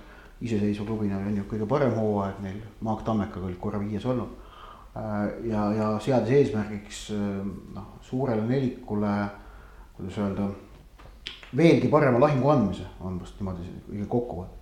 Siis on nad sel aastal ikkagi selgelt tabeli teise poole võistkond. ja tulevik on hoopis neilt selle viienda koha nõnda öelda e-, e-, endale napsanud. ja noh, mine sa tea, kui, kui seal nagu kõik mehed terved püsivad ja asjad hästi sujuvad. no see tulevik võib täitsa isegi ju Paidest või Levadiast jau saada no võib lihtsalt lihtsustatult võib öelda, et tulevik teeb seda, mida Tammeka tahtis ise teha. nojah, aga. Teeb paremini isegi. teeb ilmselt jah paremini, kui Tammeka oma unistustes loota julges, et nad on neljateistkümne vooru järel jagavad kolmandat kuni viiendat kohta tabelis ja Tammeka on sellest. kümne punkti kaugusel. kolmas, neljas, viies, üheksa punkti kaugusel, aga noh, ikkagi palju. Ja, ja sa tõid muidugi Viljandi tuleviku puhul praegu väga õige asja välja, et, et nende suur küsimärk on see, et kui mehed terved püsivad, sest pinki on neil võrdlemisi vähe, et. no kui juhtus sama asi, mis juhtus Paidega ehk kolm põhimõtteliselt korraga, siis on tulevikul halvasti. siis on kohe keeruline ja, ja tuleviku jaoks on nüüd ka noh, väga huvitav on vaadata, et nad siin ühest äh, välismaalasest juba loobusid Äh, võib-olla loobuvad mõnest veel, sest siin mõni mees veel ei ole noh, mänguaega peaaegu saanudki. Äh, elu näitab, aga, aga kuskilt midagi natukene on vaja, ma arvan, tugevdada, kas siis, kas siis suurklubide, suurklubidest laenule võetud meestega, seda on ju tegelikult tulevik suutnud siin, siin viimasel mitmel hooajal tegelikult päris hästi teha. praegu on muidugi see, et ei ole neile hetkel mingit kindlat põhikoosseisu kohta pakkuda, et, et see, see präänik on nagu natuke ära võetud. aga, aga noh kas. see on võtmeküsimus. kas suurklubid tänasel päeval tahaks üldse tulevikku kedagi laenata, kui me ei räägi Florast, vaid me räägime Kaljust, Levadiast ja Paidest, kes on äh, väga selged otsesed konkurendid. jah, sa annad otsesele konkurendile, see vahe. kui sa annad küll... näiteks ütleme noh, Levadia, Anton Krutogolov vääriks on nii-öelda Premium liigas mänguminuteid küll. aga ma arvan, et Levadia ei tahaks seda anda niivõrd tulevikule kui näiteks Leegionile või Kalevile. jah, või isegi Tammekale Kuressaarele võib-olla, eks ole, et, et noh, nad ei ole, ei ole otsesed konkurendid et jah, tulevik on enda elu selles mõttes ise keeruliseks teinud, aga näis, kuidas nad sellega hakkama saavad. Nagu juba öeldud, siis selle vooru viies mäng on, on Kuressaare Kalevi vahel kavas esmaspäeva õhtul, meie siin räägime esmaspäeva pärastlõunal, nii et, et sellest mängust järgmises saates. meil on paras hetk minna välismaa jalgpalli juurde ka, sest et äh, mõnel pool said asjad selgeks, noh Itaaliast ei ole nagu vist väga pikalt põhjust rääkida, sest kui siin isegi Juventuse enda staarfännid juba tunnistavad, et üheksas järjestikune tiitel on noh, selline, et ütled jess ja lähed magama, siis ei kõneta nagu eriti. kõnetanud oleks see, kui keegi oleks neilt selle ära võtnud, aga ikkagi kaks vooru enne, enne lõppu nad äh, Sampdoriat alistades selle kindlustasid ja, ja nüüd on, nüüd on asi paigas. mõneti ka muidugi konkurendid mängisid ise maha, sest et võimalusi Juventus pakkus, aga noh, kui keegi ei taha, siis tuli jälle ise ära võtta. Juventuse jaoks kahtlemata kodusest tiitlist oluliselt tähtsam on see, mida nad suudavad teha meistrite liigas liiga optimistlikult sinna minna ei saa. liiga optimistlikult ei Eriti saa. eriti arvestades esimest mängu, mis küll tõsi peeti küll kevadel, aga, aga nad lähevad Lyoni vastu mängima null-üks kaotusi ennast korduskohtumist. et kui nüüd Prantsusmaal. Õnneks tuleb Lyon seisust, kus neil mängupraktikat peaaegu kui, kui oleks Prantsusmaal liiga käinud ka praegu, siis paneks Lyoni üsnagi selgeks soosikuks, okei okay,, me ei tea, kuidas Lyon oleks mänginud muidugi jälle.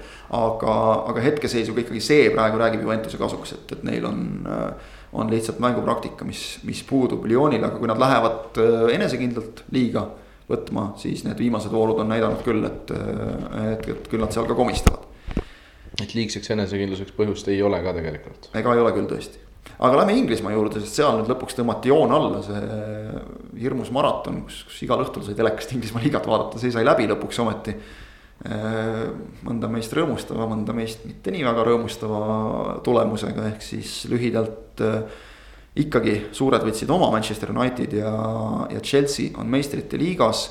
Leicester, kes, kes püsis sellel meistrite liiga kohal ülikaua, kukkus sealt ikkagi lõpuks välja, mingil hetkel tundus, et see ei ole võimalik, ometigi see on, oli võimalik ja, ja ikkagi viimases voorus. noh, mängiti oma võimalused ise maha, võita Unitedit, kõik oleks olnud olemas ja, ja tegelikult juba varem siin meenub kasvõi kohtumine Bournemouthi vastu, mis äh, käest anti ja üks-neli kaotati lõpuks äh, mängivad Euroopa liigat koos, koos Tottenhamiga. väga kahju, väga kahju, aga see tõesti no terve pärast, pärast seda koroona ajastut kogu aeg see ähvardas, ähvardas, ähvardas ja lõpuks see pauk ära käis tõesti.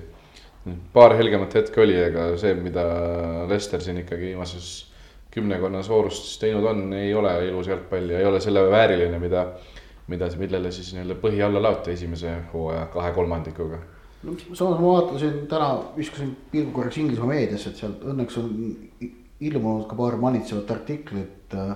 et äh, tähendab, viies koht Leicester City jaoks on ikkagi kordaminek. absoluutselt. ja, ja et äh, see nüüd, et hooaja see lõpp ebaõnnestus, ei tähenda, et, et, et Brendan Rodgersi treeneritöö kvaliteeti saaks kuidagi sel hooajal hinnata ebaõnnestunuks, jah, mingi faas selgelt ebaõnnestus. see on tõsi, aga äh, noh, et, et ma usun, et seal väga palju kinni nüüd selles, et kuidas nagu selle klubi juhtmängijad, Vardi, Schmeichel äh,. Madison. Madison, kuidas. Madissoniga suudavad, vist pikendatakse. ja, et kuidas nad suudavad ka nüüd isekeskis sellest pettumusest üle olla ja järgmist hooaega võtta sellise sama ikkagi noh, naudinguga. see on see, et kui Lester mängib naudinguga, see on see, millega nad kaks tuhat kuusteist tulid meistriks, millega nad järgmine hooaeg meistrite liigas jõudsid veerandfinaali millega nad tegid eelmine hooaeg täitsa korraliku hooaja ja nüüd kohe väga hea hooaja. ehk et kui nad suudavad asja nagu selgelt nagu nautima hakata, siis neil läheb vast ka järgmine hooaeg hästi, aga järgmise hooaja eel ikkagi intriigi. noh, nii Unitedi kui Chelsea õnnestumine, kuna need õnnestumised meistrite liigas kvalifitseerumise näol vabastas mõlemad klubid väga suurest pingekoormast ja mõlema klubi värsked peatreenerid, kes tegid oma esimese täishooaja sellel ametipostil, sellest väga suurest pingest no ütleme, igasugused nagu loogikad näitavad, et nii United kui Chelsea liiguvad hetkel eh, tõusukursil. Ehm, siis eh, see nagu lisab järgmise hooaja eel ikkagi intriigi. Ehm, Manchester City, kuna nad eh, meistrite liiga keelust pääsesid, siis noh, see on ilmselgelt positiivse impulsi aines. ehk et kõik need kolm satsi praegu, kes Liverpoolile noh, küll jäid väga selgelt alla sealt toodi hea võrdlus välja, et äh, Liverpool edestas kolmanda koha omaniku Unitedit kolmekümne kolme punktiga. mis on rohkem kui United edestas välja langenud Bournemouthi, keda ta edestas kahekümne kaheksa punktiga. vabandust, kolmekümne kahega, kolmekümne kahega, vabandust. Ähm, e, et äh, et kui need kolm liiguvad üles, siis see nagu lükkab järgmise hooaja hooajale ikkagi intriigi üles, pluss see, et noh, me teame, et Murinol on järgmine hooaeg esimene täishooaeg Tottenhamiga äh,. Artetal sama asi, Arsenaliga, et äh, noh, neil läheb ilmselt natukene kauem aega, et asjad nagu jonksu saada, ma pakun äh,. eriti äh, noh, ma ei hakka ütlema parem eriti kummal, vist, aga okei okay,, ma arvan, et eriti Tottenhamil, sest seal on vaja võistkonda värskendada äh,. aga, aga noh, et intriig järgmisel hooajal on nagu meeldivalt kõrge sest et äh, jällegi teiselt poolt vaadates siis Liverpooli puhul nad on suutnud kaks suurepärast hooaega järjest teha äh,. punktisummade mõttes, tänavu üheksakümmend üheksa punkti, eelmine hooaeg oli kas. üheksakümmend kaheksa vist, üheksakümmend seitse. jah, jah, ja noh, et kolmandat hooaega järjest seda standardit hoida, see on neetult keeruline. selliseid noh, just nimelt ma mõtlen siis ja, ja, ja kui see ei õnnestu Äh, mis tundub loogiline, et mingi tagasiandmine, ma pakun, on loogiline, et tuleb. kas juba selle pealt, et noh, teised rivaalid on muutunud tugevamaks. siis võiks see nagu tekitada esikoha osas oluliselt suurema intriigi, kui me sel hooajal nägime. no see puhver muidugi on suhteliselt suur, mil, millist tagasiandmist lubada saad, no kümme-viisteist punkti küll kas sa arvad, et Man City teeb järgmine hooaeg sellise hooaja, kui nad saavad ainult kaheksakümmend üks punkti? ei noh, neil, nemad võivad panna viis punkti, kümme punkti juurde, siis. et see ongi see, et Liverpool annab kümme punkti ära, City paneb kümme punkti juurde, nad ongi võrdsed, on ju. ja aga Liverpool, ma usun ka siin hooaja lõpp näitas, et natukene nad ikkagi tahavad täiendada, et see, see, mis pink, mis pink Liverpoolil on, ei ole võib-olla päris soovitud, Jürgen Kloppi soovitud tasemel. seda, seda on see hooaja lõpp siin näidanud, Thiago Alcantarast juba väga tugevalt räägitakse. aga ma arvan, et kedagi, kedagi veel. no päris huvitav oleks olnud, kui Chelsea poleks saanud meistrite liigasse. tõid juba Werneri, tõid juba Ziyech'i, tahavad vist eh, kedagi veel tuua. et kuidas, kuidas neile meestele. Kai nagu..., Kai Havertzit tahavad vist ka kuidas, kuidas neile meestele sellist asja maha müüa oleks olnud? pluss on nüüd Chelsea kui Man United siis ikkagi väga suure küsimuse ees, et mida oma selle hispaanlasest väravahiga peale hakata. kas uskuda edasi või teha mingi no väga jõuline samm. noh, eks kvaliteediga mehi, kes suudavad seal nende klubide väravas mängida, neid leiab küll Euroopast. Äh, aga noh, see nõuab sellist väga jõulist otsust, äh, ilmselt investeeringut umbes samas mahus, mida Liverpool tegi Alissonisse. sest et kõik saavad aru, et miks United ja Chelsea sellist väravahti ostavad ja küsivad vastavat hinda ja sest Unitedil noh, on ühtepidi võib-olla kergem, teistpidi jälle ka võib-olla natuke keerulisem. Neil on olemas, eks ole, Sheffield Unitedis väga hea hooaja teinud Dean Henderson. Neil on olemas äh, võimalik, et maailma üks paremaid varuväravavahte taseme poolest Sergio Romero. et äh, noh, anda Hendersonile võimalus, kui välja ei vea, siis on alati Romero ja müüa David De Gea maha. Äh, Chelsea'l on kindlasti selle võrra keerulisem ja no ikkagi Chelsea'l oli väga kõnekas see, et ülitähtsas hooaja viimases mängus äh, Frank Lampard jättis äh, Kepa pingile. ja pani Willie Caballero, noh ikkagi sellise pigem nagu igavese number kahe varumehe, ükskõik mis võistkonnas ta on, pani äh, postide vahele. töötas, taga null, ees löödi kaks tükki ära, oluline võit käes aga no mida see teeb Kepa enesekindlusega, seda võib ainult ette kujutada. ja ta toodi ju ka ikkagi ropu raha eest, mis tähendab jällegi seda, et ütleme noh. Kepa vist on siiamaani maailma kõige kallim väravaht, hinnalikult. jah, mingil hetkel läksid need numbrid nii suureks, et mul läks juba peas segamini, et oli see nüüd. Alisson läks korraks ette. Alisson, Ederson, Kepa, kõik noh, liikusid mingite arusaamatute stratosfääriliste. Alisson ja Ederson on täiesti oma hinda olnud väärt ja andnud hoopis uue kvaliteedi võistkonnale, erinevalt Kepast. ja Manchester Unitedil ütleme näiteks David De Geast loobuda, noh, on selle võrra kergem, et ta on ka ikkagi aastate jooksul meeskonnale palju andnud ja, ja ta on olnud tippväravavaht aga. oma raha kindlalt tagasi teenida. just, et, et selles, selles suhtes temast noh, loobuda mingi väiksema summa eest oleks natukene kergem praegu, kui Chelsea'l nüüd kepat hakata müüma. aga, aga see on muidugi, muidugi õige just ja, et, et Chelsea on teinud väga kõvasid täiendusi noh, Manchester United tegi enda oma ära talvel, näis palju nad nüüd teevad, teevad nüüd sel suvel.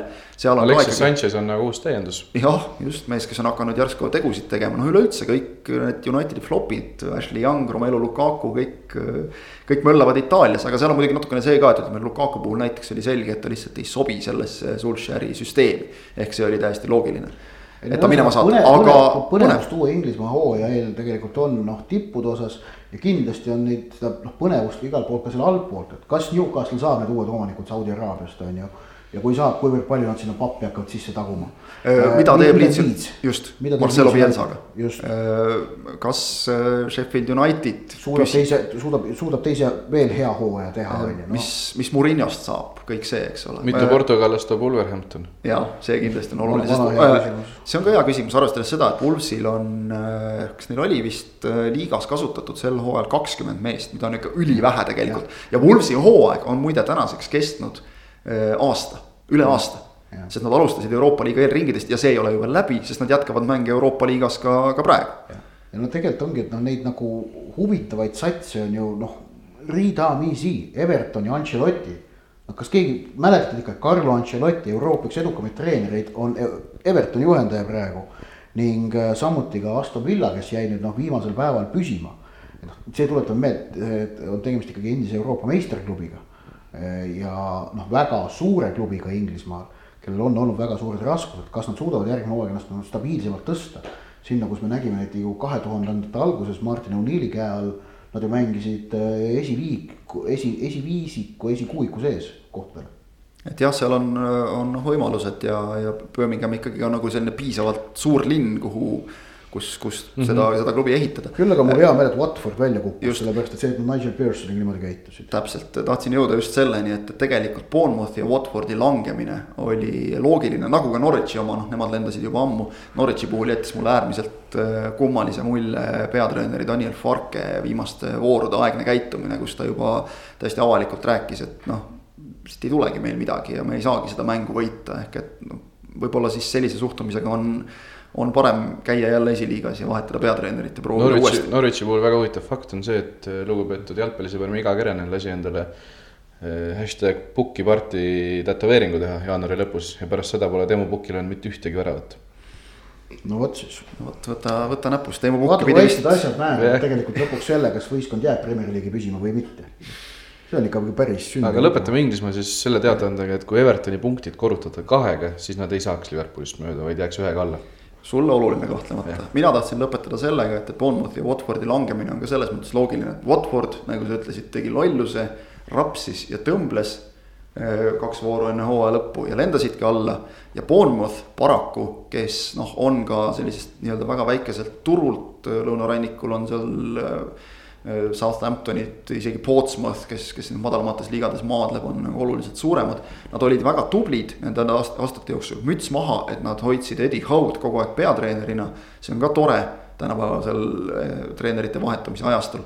aga äh, kahjuks kogu selle aja, mis nad Premier League'is olnud, kõik need rahad, mis tulid, see kõik läks mängijate peale ja pikas plaanis ikkagi sellised asjad ei ole jätkusuutlikud, ehk et äh, hüpati üle oma varju, tehti seda mitu korda, aga, aga esiliiga ootab ja, ja Bournemouthi puhul on mul küll suured kahtlused, et millal neid jälle kuskil kõrgemal võiks näha, näiteks Huddersfield oli siin väga hea näide kellel on nüüd olnud tõsiseid probleeme isegi esiliigasse püsima jäämisega ja, ja neid näiteid on olnud veel ja veel, kus kukutakse kolinal lausa kaks liigat allapoole, nii et, et see kõrgliigast langemine see, see tõesti on karm ja need jutud, mida räägitakse, et äh, championship'i play-off ehk kolmanda kõrgliigasse pääseja otsustamine on äh, võib-olla, et maailma jalgpalli üks olulisemaid mänge, see peab ikkagi paika. see on varsti lähedal, varsti saab veel head jalgpalli vaadata ikka Inglismaalt. jah, need äh, play-off mängud juba siin käivad, Swansea sai, sai Brentfordist esimeses mängus üks-null jagu, nii et. et neid tasub vaadata. sellest mul on kahju, ma olen Brentfordi kodumängul käinud, väga äge klubi.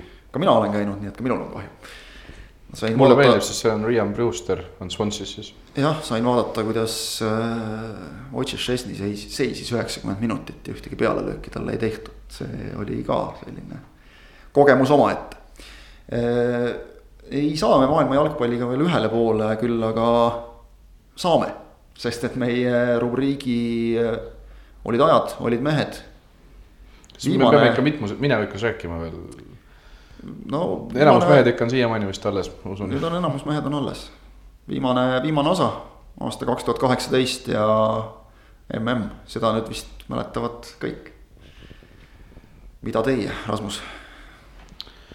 minul oli au olla esimest korda suurturniiril kohapeal teatud nädalakese suhteliselt turniiri algusfaasis ja kõige rohkem mäletan ma Lužniki staadionil toimuvat mängu, kus Saksamaa koondis kaotas äh, Mehhikole, mis oli, ma usun, tegelikult üks turniiri parimaid mänge, kui ka kogu turniirist rääkida üldse.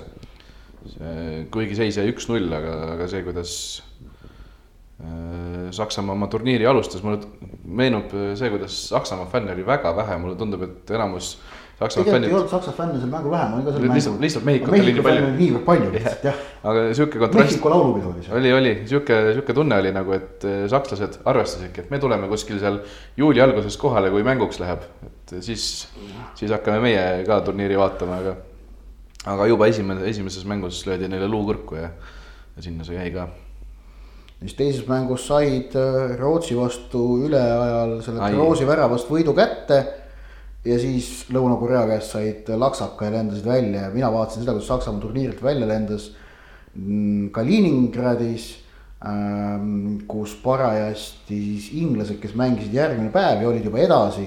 Inglise fännid vaatasid seda, kuidas sakslased välja lendavad ja laulsid suurima rõõmuga Krauts are going home, noh, mis on muidugi Kraut ei ole vii, sõna, mida nagu viisakas on kasutada sellises lugupeetud raadiosaates nagu meie oma, aga autentsuse huvides ma pean seda siinkohal siis mainima ja, ja noh, ei Saksamaa, Saksamaa kollaps oli kahtlemata selle turniiri üks ikkagi äh, suuri märksõnu, et seda, seda tegelikult ei paistnud kuskilt otsast, ei osatud ette ennustada, et selline asi võib juhtuda. sest need neli aastat varem võitnud mehed ei olnud ju vanad, need olid ikkagi parimas jalgpalluri eas ja. ja kui on viimases voorus mängib Saksamaa, kellel on vaja võitu, et edasi pääseda ja Lõuna-Korea, kes on juba turniirilt välja langenud.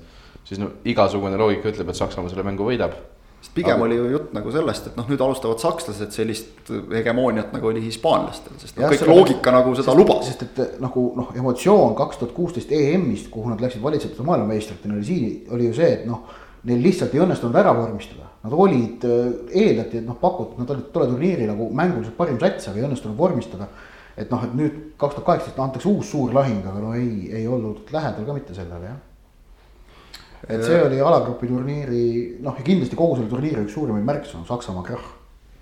alagrupi turniirilt noh, võib-olla isegi ja nüüd jõuamegi sealt juba edaspidi edasi otsaga ka play-off'i, et äh, korraldajate, venelaste enda edu oli ju neile endale ka teatav šokk, sest noh, ma mäletan, et tehti juba. asiotaaž oli see, et nad saavad Egiptuselt alagrupist ala ja langevad välja. tehti laulukesi asju just täpselt juba. Salah, Salah teeb Egip-, venelastele ära ja see, et, et kohe esimeses mängus ja noh, juba see, et, et äh, Saudi Araabialt saab teda tappa tõenäoliselt, et, äh, et, et see juba siin Rasmus mm. -hmm. Rasmusel on ikka see Liverpool kuidagi hinges.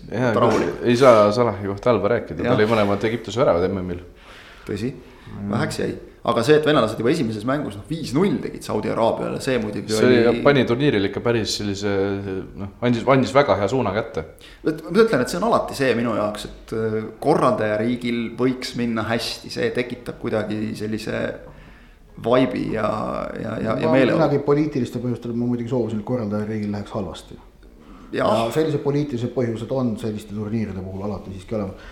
poliitilised põhjused on siis konkreetselt see, et noh, see noh, turniir on ju Venemaa, Venemaa poliitilise režiimi eesmärke ta täitis, täpselt nii nagu ka Sotši olümpia ja, ja muud asjad. kahtlemata oli see turniir ideaalselt korraldatud, toimis igasugusegi probleemita, kõik jooksis mööda raudteed, rööpaid, noh, aga see on. klausliga me ei tea, mis hinnaga kohalikele. jah, just aga, nii selle turniiri korraldamise plaanis jah. kui ka pikemas plaanis, et, et see, see on loomulikult täiesti mõistetav, aga jah, puht jalgpalliliselt noh, oli see hea. selle turniiri teine, vot rääkisime Mehhiko fänne oli väga palju näha nii Moskvas kui ka mujal, aga noh, teine riik, keda oli väga palju igal pool näha, oli Argentiina fänne. ja Argentiina jaoks see turniir läks ikkagi äh,. Läks sitasti. no Te läks ikka jah, ja hakkas peale kohe esimene mäng ju, kui oli tegelikult Messil oli kasutatud penalti, millega lööb Argentiina Islandi vastu kaks-üks juhtima noh, kõigepealt koos tagab võidu ja eksis. ja, ja see oli see, kõik see toimus äh, Maradona silme all ka, Maradona oli seal ju Moskvas kõiki neid mänge vaatamas ja. kas see oli see, ma, see, see legendaarsed kaadrid või? ma, ma ei mäleta, kas ta seda neid keskmisi sõrme näitas siis või näitas ta seda viimases mängus, siis kui nad, äh, siis kui nad äh, suutsid ikkagi Nigeeriat võita ja alagrupis teisena edasi minna minu meelest see oli siis, siis ta juubeldas seal, aga ta pakkus jah ohtralt ka. siis oli see, et esimene mäng nagu läks nad totaalselt untsu, kuigi see Altrõte staadion, see Moskva number kaks staadion, Spartaki oma. oli noh, ikkagi argentiinlastest ka puu püsti täis ja nemad panid ka nagu laulupeo püsti. et islandlased võisid seal ühes nurgas oma huhhi teha, aga no Argentiina laulupidu käis. Maradona oli dirigent, ise nägin, ta loož oli nagu seal ühe külje peal ühe otsa tribüünile suhteliselt lähedal ja siis, kui nad tuvastasid, et Maradona on seal, Argentiina fännid hakkasid noh, Diego, Diego skandeerima, mille peale Maradona juhatas mingi laulu sisse, oligi nagu põhimõtteliselt nagu laulupeo dirigent. terve otsatribüün kuulas sõna, et noh, see, see, see oli nagu ja, ja siis teine mäng Horvaatia käest sai null kolm. Ja said ikka niimoodi, et noh, nagu no, no ikka oli saadud, seal ikka nüpeldati neid nagu igast otsast tegelikult on ju. Ja noh lõpuks oli siis, eks Argentiina lõpuks noh, alagrupis said edasi, aga siis prantslaste käest kaheksandikfinaalis. aga, aga need Messi jutud olid ju päris ikkagi skandaalsed, kus räägiti, et mitte enam Jorge Sampaoli on meeskonna peatreener, vaid reaalselt Messi joonistabki riietusruumis tahvli peale need üksteist nime, kes väljakule tulevad või noh, kümme nime, kes koos temaga väljakule tulevad mm. -hmm. sest need olid ikkagi ju noh, väga kõnekad jutud, kuidas Messi ja Messi ongi selle meeskonna tegelik liider et noh, ta, eks ole, seda on nüüd ka räägitud sama Barcelonaga seoses, et okei okay,, mingi osa kindlasti on võimendatud neist, aga, aga mingi tõepõhi on sellel ikkagi all ka. nii et äh, jah, see, et äh, Prantsusmaa äh, kloppis neid jah, küll neli-kolm, aga noh, see mäng oli ikkagi pigem prantslaste käes, prantslaste oma. et see, see ei olnud nagu üllatus, pigem oli see loogiline juba sel hetkel, et Argentiina siit koju sõidab. Korraks alagruppi tagasi hüpates, üks üllatus oli minu meelest veel, lisaks Saksamaa väljajäämisele, oli see, et Poola jäi välja ja Poola mängis tõesti nii kehva turniiri. oli kehva. see oli ja see oli üllatus, Poola läks tegelikult sinna sellise plaaniga, et noh, et veerandfinaali võiks ikka mängida. aga samas näed sellist, minu meelest sellist juttu me Poola kohta oleme juba ennegi rääkinud. et viimaste ja. suurturniiride üks tegelikult suuremaid lati alt läbijooksjaid on olnud Poola, kellel materjali on, aga kes ei jõua ikkagi mitte kuskile sellega. just ja siis tulid noh, play-off'id, kus siis noh, see, et Uruguay pani Portugalile ära, see oli minu meelest ei olnud üllatus. Cavani väravatest äh, Äh, noh, algas siis sellega, et jah, Prantsusmaa võitis Argentiinat neli-kolm, see oli selline paras vurrmäng ja Argentiina läks teise poole e algus kaks-üks juhtima, aga no prantslased lõid suht kiiresti tagasi ja Mbappe tegi selle mängu ära oma kiirusega. Uruguay võitis Portugali, minu jaoks ei olnud üllatus ja ma ei ütle seda üldse ainult nagu Uruguay fännile, vaid nagu siiralt, noh, ma arvasingi, et Uruguay on soodiks selle mängu ajal. ja siis oli, on ju Hispaania-Venemaa veerandfinaal, kus siis äh, hispaanlased ei suutnud ja, ja lasid penaltitele ja eksisid ja venelased said edasi ja siis oli Horvaatia-Taani, seda mängu ma väga ei mäleta, aga see oli see väga kiired väravad. ja seal siis Horvaatia võitis penaltitega ja, noh, seal oli jah, neljandaks minutiks oli üks-üks. siis tegi Brasiilia Mehhikole ära ja siis oli see Belgia-Jaapan kolm-kaks mäng. Mehhiko muidugi umbes kuuendat korda järjest vist langes esimeses play-off'i ringis. ja, ja neil on see ta- tava kas isegi mitte seitsmendat. ja aga sageli ka just Brasiilia vastu on seda juhtunud minu arust varem ka. jah, jah, või Argentiina. Et aga siis oli see Belgia-Jaapan mäng, mis oli metsik mäng, sest et japsid läksid ju kaks-null ette ja siis Belgia teisel poolel järsku jooksis nad ribadeks. ja noh, muidugi täiesti legendaarne on see kolm-kaks värav, kus, kus Jaapan läks mm. -hmm. võitu võtma. ja siis tuldi kiirrongiga vastu neile ja, ja kiirrünnakust üle minutitel kolm-kaks. see, see oli selline see ei olnud, seal ei jooksnud Belgia kiirrongiga ribadeks. seal äh, Belgia tegi õhujõududega ju asjad ära. Ja see oli, ma oli see Vertonghen seda- ja Fellaini jah ja.. klassikaline Fellaini seitsmekümnendal sisse, seitsmekümne neljandal värav või midagi Just, sellist just,, nagu ta et see, kus Ja- see Belgia vastase puruks jooksis, see oli veerandfinaal Brasiiliaga. just ja eh, noh, see viimane värav oli, ütleme siis selline eelmäng nagu sellele juba, et, et seal tõesti lihtsalt joosti üle jaapanlased ja, ja löödi ära. jah, see, et Rootsi võitis Šveitsi, see mäng oli suht nagu sündmustevaene, aga see, et Inglismaa võitis Kolumbiat penaltitega. pärast seda, kui oli Kolumbial lubanud üheksakümne kolmandal viigivärava lüüa. See nagu näitas, et inglastes on sisu. See oli see oli see mäng, kus nagu. suund muutus. absoluutselt jaa, sest noh, ava, alagrupis noh, Panama ja Tuneesia võitmine ning kaotus Belgiale tähtsusetus mängus. noh, see oli nagu ikka selline tunne oli meh, et noh, et noh, tavaline Inglismaa. pigem oli just see tunne selle Belgia kaotuse järel, et, et noh, teevad, teevad nii-öelda oma ära, et, et lähme jälle suurte lootustega ja saame jälle peksa. jah, et Kolumbia ei olnud enam üldse mitte nii hea, kui nad olid kaks tuhat neliteist, aga noh, nad olid ohtlikud inglastele, see oli selline nagu ja noh, siis tõesti tegelikult ka, kui nemad lõid, on ju selle üheksakümne kolmandal viigivärava ära, siis see ju annab sellise no vaimse eelise oleks pidanud andma. ja inglased eksisid penaltiseerias esimesena. Henderson oli kolmas lööja, kes eksis, aga siis eksisid Kolumbia neljas ja viies mees. nii et äh, see nagu, see oli nagu see, kus nagu Southgate'i see muinasjutt tegelikult alguse sai minu arust, see mäng andis hoo sisse no siis oli veerandfinaali, kus Prantsusmaa mängis Uruguay lihtsalt nagu noh, nii lakooniliselt üle, et sellest mängust ei olegi mõtet rääkida.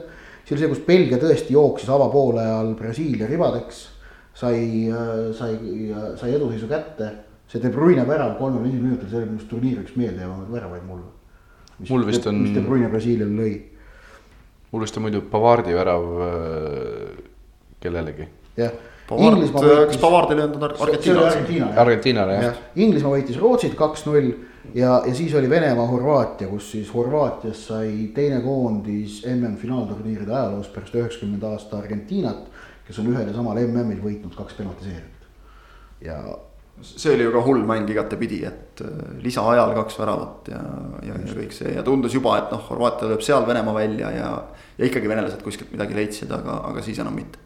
ja, ja poolfinaalid, millest esimene oli siis see, kus Prantsusmaa otsustas, et nad tahavad seekord tulla maailmameistriks, mitte mängida ilusat jalgpalli. ja noh, see Prantsusmaa-Belgia poolfinaal, see oli ju, kõik olid nii tohutult pettunud selles mängus. pidi olema ülihea mäng. jah, aga Prantsusmaa võttis ülipragmaatilise plaani, võttis Belgialt ära igasuguse mängulusti ja kusjuures sellele atmosfäärile mõjus veel, andis lisanüansi ka see, et see Peterburi staadion oli üpriski tühi tolleks poolfinaaliks. seal oli nagu silmatorkavalt palju tühje, tühje kohti. ma ei mäletagi, mis see täpne põhjus oli kas vist oli see, et, et ei Prantsusmaalt ega Belgiast ei julgetud väga nagu sinna Venemaale tulla või mingi värk oli. aga igatahes nagu noh, atmosfäär oli suht nagu olematu. Mäng oli selline nagu noh, loid ja ilmetu kusjuures ma vaatan, publiku number on põhimõtteliselt maksimum, eks. ja aga, aga noh, seal ei olnud see, see, see, seda tegelikult seal ei olnud, seal pilet, müüdud piletite arv oli see ilmselt siis. ilmselt jah, sest äh, kõik on kuuskümmend neli kopikatega kõik Restovski staadioni mängud. aga noh, et ja siis Umtiti väravast Prantsusmaa võitis ära, nurgalöögist minu meelest oli see vist. jah, oli vist küll nurgalöök jah, või igatahes standard oli see. just, noh ja siis päev hiljem Moskvas oli nagu super poolfinaal, Horvaatia, Inglismaa, täielik supermäng. seal minu meelest inglased tegid äh, ikkagi selle oma klassika, et alustame väga hästi, läheme kiirelt ette ja siis hakkame hoidma. ja, ja seal oli sealt sihuke see kolmekümnenda minuti Harry Kane'i šanss, noh tühjale väravale pihta ei ja see. Kieran Trippieri karistusvõik on ka meeldejääv. see oli kõva jah. ja Horvaatiast seejuures sai siis selle lisaaja võiduga esimene meeskond, kes on MM-i nendes play-off mängudes olnud kolm korda järjest taga ja välja tulnud seal. alati jah, jah. et see, see näitab ka sisu ikka. tõenäoliselt esimene, kes, kes on teinud seda või noh, kindlasti esimene, kes on teinud seda niimoodi, et iga kord on mänginud seda kakskümmend minutit. jah, seda ka tõenäoliselt. et, et, et. see, see on kõvem saavutus. seal nagu noh, inglased olid, aga jah, Inglismaa fännid noh kaotasid, aga noh, olid, olid endiselt väga tänulikud, kutsusid Southgate'i ja Satsi välja ja laulsid seal pikalt pärast lõpuvilet, aga noh. eks see šanss tegelikult neil nagu läks, väga suur šanss läks kaduma sellega, et seal. Ma olen suht veendunud, et prantslastel oleks olnud ma ei tea, inglaste vastu keerulisem seda finaali mängida. no ja kasvõi sellepärast, et Horvaatia mänginud üheksa, ühe, ühe korra üheksa minutit rohkem põhimõtteliselt no,. turniiril kui. emotsionaalselt mul ei tunne. et, et inglased. inglased oleks olnud tõenäolisemad võitjad ilmselt küll finaalis, kui, kui Horvaatia seda oli. jah, noh, pronksimäng, see selleks, see ei huvita kunagi kedagi ja siis, siis finaal, et, et väga halva kvaliteediga mäng, sellepärast et väga palju vigu tuli mingitest lavastest eksi-, väravaid tuli lavastest eksimustest. aga noh, ja, ja noh, kuidas nüüd öelda, ja MM-finaal ikka on äge ja kõva ja, aga. selle nagu otsustas. ei olnud nagu sellist. jah, selle otsustas ära ikkagi see esimese poole, jah, esimese poole lõpus oli see, see, see penalti, mille no ikkagi ka horvaadid kinkisid prantslastele oli küll. varriga ainult jah, varriga, varriga see läks, aga jah. just, ma mäletan ka, et, et seda mängu sai, sai kuskil pubis vaadatud ja noh, siis kui prantslased lõid. või, või said siis õigemini oma väravast, Mandžukitši oma väravast, no suhteliselt kiirelt, kaheksateistkümnendal minutil finaalis esimese kirja. siis oli selline tunne, et noh, kõik, et võib, võib laiali minna, kui Horvaatia lõi vastu, siis nagu elavneti korraks, et oo, et siit tuleb mängu isegi. ja siis tuli see penalti ja siis noh, sealt edasi nagu ja ei olnud. teisel poolel, Pogba lõi hästi ja Mbappe oma oli Subotitši viga, eksimus, värav või eksimus, sealt tuli neli-üks. kohe tuli see neli-kaks vastu, Lori tegi vastu kingituse. ja siis oli see kakskümmend üks minutit aega, löö kaks väravat, vii mäng lisaajale. aga no Horvaatia mängust mitte kuskilt otsast ei paistnud, et neil oleks mingitki võimalust või jõudu seda, selleni jõuda. no lihtsalt ei olnud noh. ilmselt ei, ei olnud ka seda jõudu just nagu Rasmus ütles, et kui sa oled mänginud lihtsalt ühe mängu rohkem põhimõtteliselt kui teised, siis. et selles mõttes see MM-finaal oli võrreldes äh, äh, kolme eelmise MM-finaaliga pettumus. kaks tuhat neliteist finaal otsustati lisaajal sada neliteist vist lõi Kötse või? midagi sellist. midagi sihukest jah. ja noh, Iniesta neli aastat varem samamoodi, lisaaja teisel poolajal minu meelest lõi ta värava. ja kaks tuhat kuus läks penaltitele üldse. ja Iniesta oma oli üldse sada kuusteist vist minu meelest. nojah, mõlemad lisaaja teisel poolajal löödud väravaga. et kus nagu pinge oli tõesti viimase sekundini oli õhus. aga seekord seda ei olnud jah, et sellist nagu pinge lahtus huvitav, kas Lori mängis selle ühe eksimusega maha ka enda turniiri parima väravahi tiitli? see läks siis Courtois'le, finaali eksimus. ma arvan, et mitte. ma arvan, see oli varem ära otsustatud isegi ausalt öelda. tahaks loota. Courtois oli, oli seal. oli väga hea muidugi. oli, oli seal turniiril hea jah. siin turniiril ilmselt auhinnad läksid ikkagi üsnagi ausalt, et ähm, parim noor Mbappe, selles ei olnud kahtlustki muidugi ja parim mängija siis Modric, kes hiljem tänu sellele võitis ka veel Ballon d'Ori nojah, ma ei ütleks, et tänu sellele, ma arvan, et, et see, need, need kaks auhinda omavahel seotud ei ole. ei, seda muidugi tänu heale turniirile võitis äh, Ballon d'Ori. jah, jah ja.. Kriismann oli ka muidugi noh, ikkagi, Kriismann oli minu arust sama jällegi see, kes nagu stabiilselt oma satsi tassis. et vaata, et noh, meistriks tulijana on vaja sellist nagu noh, nurgakivi ja minu arust nagu okei okay,, Prantsusmaa koondis oli neid mitmeid, aga minu arust Kriismann ikkagi, kui sul edurivis on selline kindel vend, kes ära lööb, no see on ikka hea. nii no., on meil tund kakskümmend täis või? Äh, jah, põhimõtteliselt võib öelda, tegime oma, tegime oma ära, ütleme siis ka, see on ka oluline spordis ikkagi, sada kakskümmend jah, tuleb siit ka täis ilusti, nii et. sada kakskümmend? no ma, kui ma vaatan seda, neid numbreid, mis mul siin ees jooksevad, siis tuleb ilusti sada kakskümmend. kaks, kaks tundi on juba nagu ei, nii hullusti, nii hullusti ei ole, me ikkagi päris sellise mölapidamatuse all ei kannata, aga natuke ikka nagu öeldud sai, viimane kord, kui ajaloorubriiki teeme, nii et eh, äkki siis edaspidi natuke lühemad saated, aga kuna me iseennast tunneme hästi, siis garanteerida seda ei saa. nojah, see on see, et eh, mine tea, et kui jälle mingid sunnitud mängupausid peale tulevad, mingid koroona tenniseid lained siis me peame midagi muud jälle välja mõtlema. siis hakkame Järvel jälle neid laulutekste lugema ja on jälle aeg täis ilusti, ei ole probleemi. aitäh, Ott, aitäh, Rasmus tõmbame tänasele saatele joone alla ja kohtume teiega taas nädala pärast, aitäh, et kuulasite